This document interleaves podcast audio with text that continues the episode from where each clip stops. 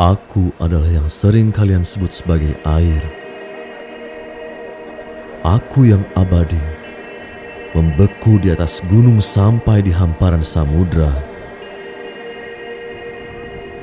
Aku menutupi hampir dari dua per tiga planet ini. Begitu juga tubuhmu. Hampir 80% di dalam tubuhmu ada aku.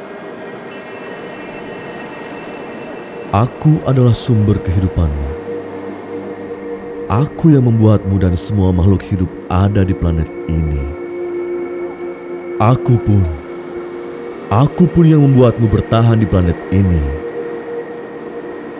Aku akan terus berada di sini, tetapi tidak dengan kalian. Mengeksploitasiku berarti menyedot darahmu sendiri.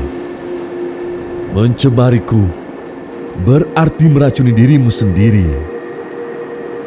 Bila terus-menerus seperti ini, kalian akan binasa. Kalian akan hilang dari planet ini.